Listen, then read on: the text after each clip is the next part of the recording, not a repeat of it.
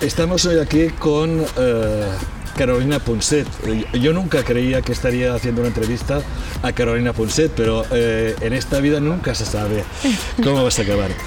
Comenzaste tu carrera política como concejala del Ayuntamiento de Altea, donde yo también fui profesor en su, en su día, por un partido local.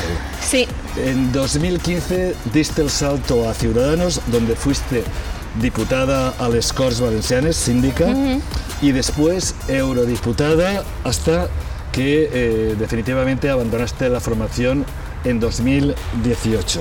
Carolina, estamos en el Palau de Congresos, Sí. donde hiciste uno de tus primeros mítines eh, con Ciudadanos. ¿Qué ha pasado eh, con Ciudadanos? Uf.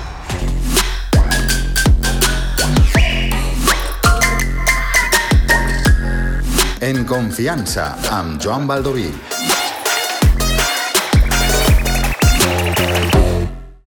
Eh, Un proyecto como UPyD, absolutamente personalista, eh, que yo creo que ha acabado eh, con las posibilidades de que la gente crea de que puede haber nueva política. Eh, y en ese sentido, yo creo que es una pena porque pensábamos que el bipartidismo eh, era algo que había que combatir. eh, Muchos lo seguimos pensando. Claro, ¿eh? ya, ya, pero, pero el, el problema es que, mm, bueno, pues surgió Podemos, surgió Ciudadanos y, mm, y yo creo que son dos proyectos que han tenido un problema muy gordo, ¿no? Que son líderes muy carismáticos que han pensado que daba igual que alrededor tuvieran muchos, em, que no hacía falta eh, construir eh, liderazgos alternativos y complementarios al suyo eh, que con ellos bastaba, que con que salieran en la Sexta o en, o en Telecinco, eh, ya con eso se sacaban los votos. Y efectivamente, porque a mí es lo que me decían ¿no? dentro de Ciudadanos, no, es que da igual lo demás, da igual, eh, con que salga Albert ya, sacam- ya sacamos los votos.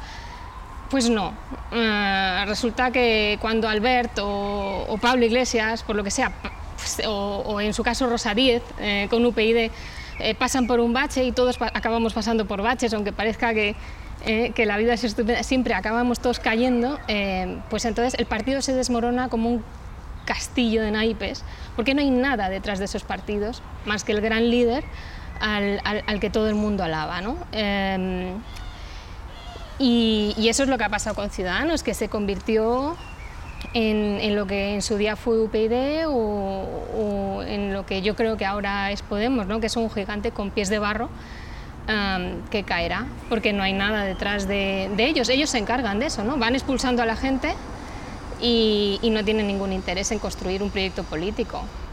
Tú fuiste de las primeras que hablaste de la descomposición de, de Ciudadanos, cuando en 2019 gente razonable con la que coincidí yo, como Tony Roldán, aunque con diferencias, pero siempre era un tipo al que escuchaba con mucha atención. Sí. El tiempo parece que te da la razón. ¿Pensaste en algún momento que con la irrupción de Inés a- Arrimadas podía haber alguna posibilidad de recuperación? Nunca, es decir, yo me fui del partido eh, cuando supe que aquello eh, había perdido toda su esencia. Es decir, la gracia de Ciudadanos es que era un partido transversal. Eh, en Cataluña nació con dos almas, un alma socialdemócrata y un alma más centrista, digamos. Am, a- a- aquel día en el que en el comité ejecutivo eh, vinieron con una consultora a traernos un expediente así de gordo, a decirnos que íbamos a cambiar la ideología del partido, que ya íbamos a, cambiar los estatutos y dejar de ser social- socialdemócrata, nos íbamos a acostar socialdemócratas y nos íbamos a levantar ultraliberales, neoliberales, porque eso nos iba a dar votos, eh, aquel día dije, pero esta gente, o sea, ya ha terminado de perder el norte completamente. Eh, y, y- y- y Inés eh, formó parte siempre del núcleo duro hasta el último minuto. Por tanto, ¿qué, qué iba a cambiar ella? Si ella estuvo de acuerdo con toda esa estrategia de mente de hacerse la foto de Colón, eh, de cambiarse la ideología, eh, de, de- de perder el norte solo para ganar votos, ¿no? con un fin electoralista. Eh, formó parte del núcleo duro con Albert y, no, y, estaba claro eh, que ya no iba a aportar nada al proyecto. ¿no? Hablas eh, y, has hablado que ese día se perdió el, arma, el alma socialdemócrata. Eh, pero al final, y salvo honrosas excepciones, casi toda la gente de Ciudadanos, o una igual que sucedió con UPyD, han acabando recalando en, en, eh, en el PP. Claro, porque ese fue un proceso, ese fue un proceso que duró dos o tres años, en el que toda la gente em, del partido que tenía espíritu socialdemócrata eh, se les iba laminando, es decir, eh, venía el, era para TIC, se sabe, bueno, también es público que las, em, en fin, que las listas había, eh, fueron trucadas, etcétera, en las primarias. Además se cambiaron los estatutos para que solo hubiera primarias básicamente en Madrid y en Barcelona. En todos los pueblos y ciudades pequeñas dejó de haber primarias. Aquello era absolutamente increíble, ¿no? Y entonces venía el aparatic del partido y te hacía eh, listas con, pero enteras, con agrupaciones del PP en, en, toda la comunidad valenciana y por tanto eh, pues toda la, gente afín, eh, por ejemplo, en la comunidad valenciana a mí, pues se fue yendo evidentemente del partido o les fueron laminando directamente, ¿no? Solo quedó ahí gente eh, de derecha o peor aún muy, muy, muy de derechas, ¿no? y los demás, los que, los que pensábamos, digamos que, que el patriotismo no tiene nada que ver con la bandera, con el himno, Em, ni siquiera con el territorio, ¿no? sino que los que reivindicábamos un patriotismo civil, bueno, pues toda esta gente eh, que reivindicábamos eso y que además formaba parte de la esencia de Ciudadanos en un inicio. Tú fíjate, cuando yo empecé en Ciudadanos en, Barcelona, en un primer mitin, me acuerdo, que se prohibían las banderas en los mítines. Se prohibían las banderas porque nosotros siempre decíamos em, que, bueno, que las banderas son una fuente de conflicto permanente eh, entre la gente, igual que los nacionalismos. ¿no? Y de ahí pasamos a la etapa en la que eh, Marta Sánchez le ponía himno, eh, le ponía letra al himno español y Albert Rivera le lanzaba besitos en el último mitin de Madrid que daba vergüenza ajena. ¿no?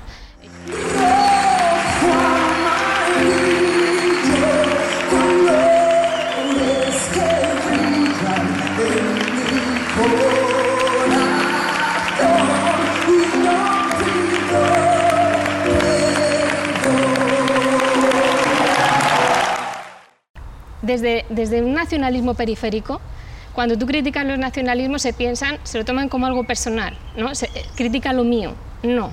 Yo siempre he criticado todos los nacionalismos, más aún el españolista. Me parece igual de ridículo, rancio y tóxico que el nacionalismo periférico. Es decir, me parece em, que siempre, siempre eh, conlleva conflicto, xenofobia y sobre todo un sentido de superioridad sobre el que tienes al lado que me desagrada. Pues mira, eh, tienes delante a un nacionalista valenciano eh, convencido, toda mi vida he sido nacionalista. John Fuster, que era un pensador de Sueca, decía, soy nacionalista en la medida en que los otros me obligan a serlo. Eh, algunos tenemos esa siempre está en conflicto con los otros. Sí, en la medida. Quiero decir, soy nacionalista eh, lo justo, con las convicciones justas, mm. pero en la medida en que otros me obligan. Y, te voy a poner un ejemplo. Vale. Eh, hasta que no llegamos nosotros al Congreso de Madrid, gran parte de la agenda valenciana, que ahora reivindica eh, toda la sociedad valenciana, mm, financiación, transporte, transporte público mm. metropolitano, eh, en fin, eh, infraestructuras. ¿Mm? Todo esto estaba ausente eh, del, debate. Sí. Y tú sabes que sin una buena financiación los servicios públicos se resienten. Entonces, este es el nacionalismo que yo reivindico también. De acuerdo. A eso hemos llegado. Eso es precisamente lo malo, que aquí en España el que no llora no mama. Efectivamente. Y nosotros estábamos ausentes, digo nosotros Valencia, estábamos ausentes del debate político hasta que vosotros habéis llegado, efectivamente. Y también hasta que ha llegado el Botanic, para ser justos. Pero esa es, esa es la pena, ¿no? Que al final en España el sistema político eh, se ha convertido en un reino de taifas en el que si no le tuerces el brazo al que está en el gobierno no consigues nada. Cuando tendríamos que partir de la base eh, de que un sistema de reparto de los recursos debería ser justo a priori, justo e igualitario. El problema es que partimos de un sistema eh, que ya es injusto desde la base. ¿Y cómo lo cambiamos? ¿no? Ese sistema de financiación va a ser, en fin, Efectivamente. una pelea Ya, pero abrazo partido, porque si los. eh, claro, cuando. A mí lo, lo que me, me asombra ¿no? también es eh, cuando se habla tanto del efecto capitalidad o de Madrid o de. en el tema de la financiación. Pero si los vascos cobran ocho veces más que nosotros, pero si es que partimos ya de base de un sistema que está además blindado en la Constitución y bloqueado, eh, que es un privilegio absoluto que, que, bueno, pues para algunos será justificado, para mí no. Eh, Pero entenderás, me- me- me entenderás, parece una vergüenza. entenderás que cuando, por Claro. ejemplo, y no estoy hablando ahora de los vascos, que podría hablar, Sí. y he hablado, ¿eh? quiero decir, yo he votado, he sido de los pocos que he votado para que se eh, a- reformara o para que Sí. se actualizara el, el cupo vasco. eh, no porque estuviera en contra, sino porque digo, primero ayudemos a los que están peor, primero ayudemos a los valencianos. Y yo soy de los que está muy orgulloso ahora eh, de reivindicar el gobierno valenciano. Ahora bien, eh, a veces eh, es contradictorio que sea solo un diputado el que reivindique muchas cosas y que a veces diputados de aquí eh, que están en el gobierno allá o presidentes de aquí tengan que hacer, a mí no me gustaría estar en ese papel, tengan que hacer como bajar el tono, mirar hacia otro lado. Es decir, yo creo que esto es justo y por tanto se tiene que reivindicar. Y esta es mi manera de hacer nacionalismo y creo que es un nacionalismo solidario, que todos tengamos lo mismo. Sí, si, si lo que reivindicamos es que todo tengamos lo mismo, entonces estoy contigo. Si lo que reivindicamos es traigámoslo todo para aquí, que los demás me dan igual, que es lo que suele pasar. Es decir, mira, el sentimiento de identidad se puede gestionar de dos maneras, con odio o con generosidad. Y yo creo, por ejemplo, que en Cataluña ha habido un problema, y es que el sentimiento de identidad, que es algo que mucha gente tiene, yo no tengo, eh, pero es por mis circunstancias familiares y personales que han sido tan raras, no es ningún orgullo ni nada bueno. Yo preferiría tener raíces, no las tengo. Em, pero ese, sentimiento de identidad se ha gestionado con mucho odio en Cataluña y eso se proyecta en la gente. Yo creo que aquí en Valencia se gestiona con mucha más generosidad. Tú formas parte de ese proyecto que lo gestiona con más generosidad. Y eso también se proyecta en la gente y es muy importante. Am, y depende de los políticos. Am, y en ese sentido, o sea, yo, te, yo te decía, por ejemplo, yo no tengo raíces. Yo, yo nací en- con, con un padre en el exilio 20 años. Cada hija nacimos en una ciudad. Mi, mi hermana en, en París, la otra en Londres y yo en Washington. ¿Cómo me voy a sentir yo parte de algo? Si es que mi madre, por ejemplo, es francesa, mi padre es catalán y, y yo no he parado en, ¿me entiendes? En, en- ningún lado. Eh, pero esto que a la gente, ah, qué guay, ¿no?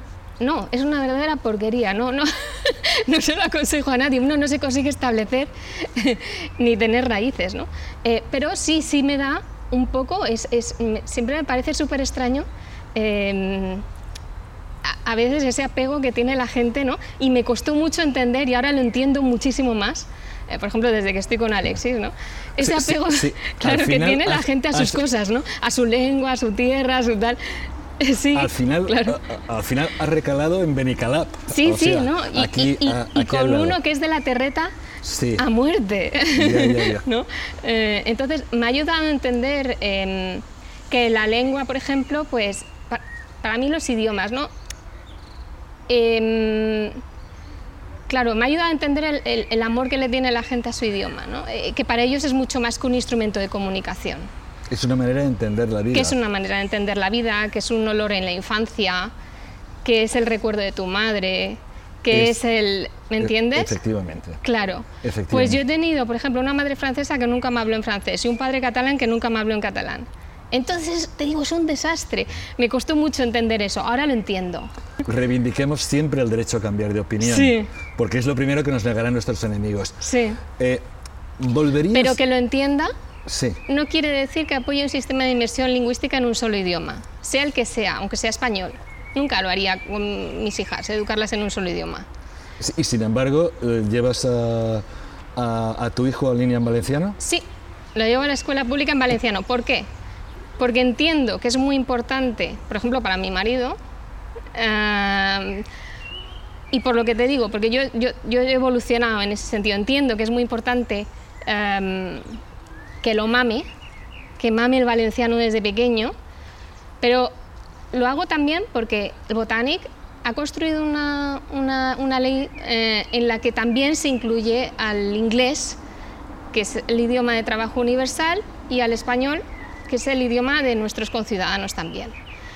Mira, yo lo, lo que sé que constato sí. es que al final, al final, eh, al final, Hmm, los niños, eh, si no hay sistemas eh, que garanticen que aprendan, acaban sabiendo el castellano y acaban no sabiendo eh, el idioma, eh, en fin, mm, mm, minoritario. En eso estamos de acuerdo. En eso estamos. Por eso digo, pero a mí me, me- me parece que cuando ya hay una preponderancia absoluta del valenciano, el eliminar el 10, el 20% del resto de idiomas, ya es, un regi- es una decisión más política que de orden educativo.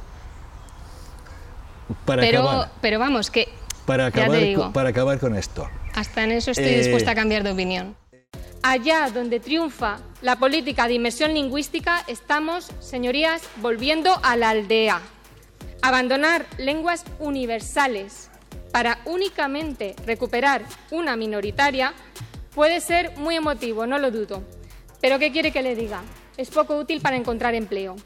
Bueno, pues en ese discurso me movía en un registro mm, más bien intelectual en el que yo aludía a McLuhan y a la aldea global. Y lo que yo dije exactamente en el discurso fue que yo quería que hubiera los tres idiomas en eh, la ley educativa valenciana, los tres idiomas, incluido por supuesto el valenciano, eh, lo, ha y que lo ha impulsado Compromís, Claro, por cierto. exacto, y que al final es que es lo que se ha acabado haciendo, que a mí me parece lo lógico, eh, y, y que de lo que lo que no quería era un sistema de inmersión lingüística en un solo idioma, fuera el que fuera. Esto, que es lo único que dije, eh, removió los cimientos, eh, la palabra aldea, eh, pues de, de los medios de comunicación, porque Compromís automáticamente fue decirlo y entonces ya empezaron a decir que yo había dicho que eran aldeanos los valencianos, que era aldeano hablar valenciano, que era, en fin, en fin. Dijeron que había dicho, vamos, poco menos que había matado a Manolete por haber dicho el tema de que el sistema de inmersión lingüística era una vuelta a la aldea. Y, y- y entonces, pues detesto que se me asocie em, a odiar un idioma, porque no fue ni la intención del debate, ni la intención de lo que dije, ni lo que dije de- efectivamente, ¿no? Pues- Fue absolutamente em, tergiversado. Bueno, son cosas que ocurren en política. Hay un personaje político, Mm. y coincido con mucha gente con la que he hablado, que me suscita eh, rechazo, y es un personaje que ¿Quién? lo hemos tenido ahora en las Corts Valencianas, Tony Cantó. Ah, Un personaje que fue capaz de decir que los animales no tienen derecho a la vida, que la mayoría de las denuncias de las mujeres eh, de- por violencia de género Mm. son falsas, o que incluso animó a bombardear la televisión pública valenciana.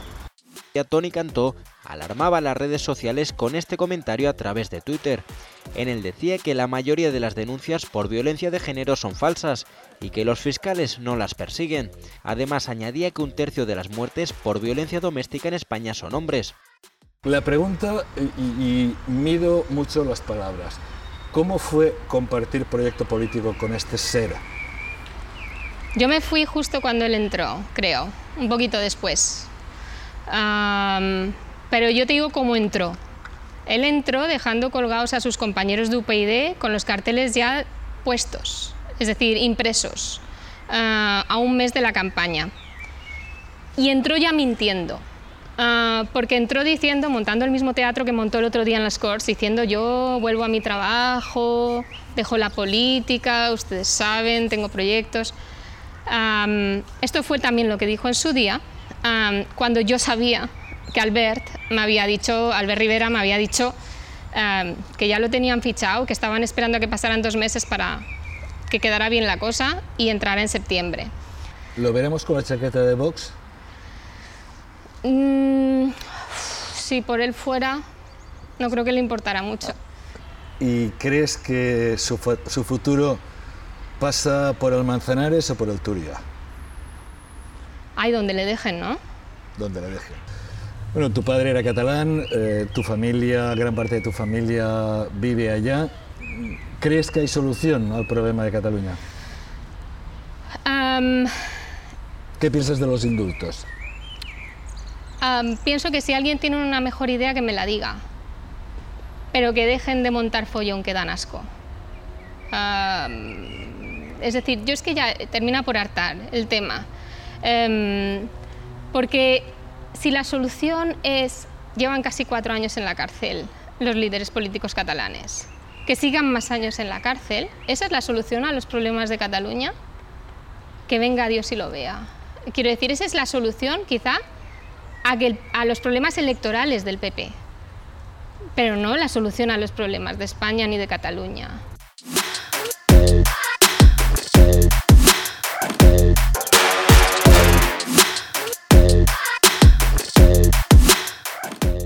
¿Qué le dirías en confianza a un votante de Ciudadanos? Que salga aún más rápido de lo que salí yo. Vale. De ahí es que ya no hay nada que hacer, por si no se ha dado cuenta. ¿Qué le dirías a Albert Rivera? Después de muchos años de experiencia en política, no vale la pena dejarse la vida por la política. Y se la dejó. Se la dejó, ¿eh? A nivel personal se la dejó. ¿Y a Tony Cantó? Que se le ha visto el plumero. ¿Y a Inés Rimadas? Es mentira, todo lo que, lo que ha dicho que intentaba era mentira. Obviamente, ella formaba parte del núcleo duro de la banda, como decía Albert, ¿no? Pues eso, ella era parte de la banda. Bueno, Carolina, eh, a pesar de las eh, diferencias Hmm. eh, que nos po- podrían separar, yo creo que sentarnos juntos eh, en una mesa, Hmm. eh, poder hablar distendidamente, creo que es la mejor medicina Hmm. para que empecemos todos a avanza- avanzar. Claro, Muchísimas si, gracias. Si toda España hiciera esto que hemos hecho tú y yo, mejor nos iría, ¿verdad? Probablemente sí. Probablemente eh, la solución sea el diálogo.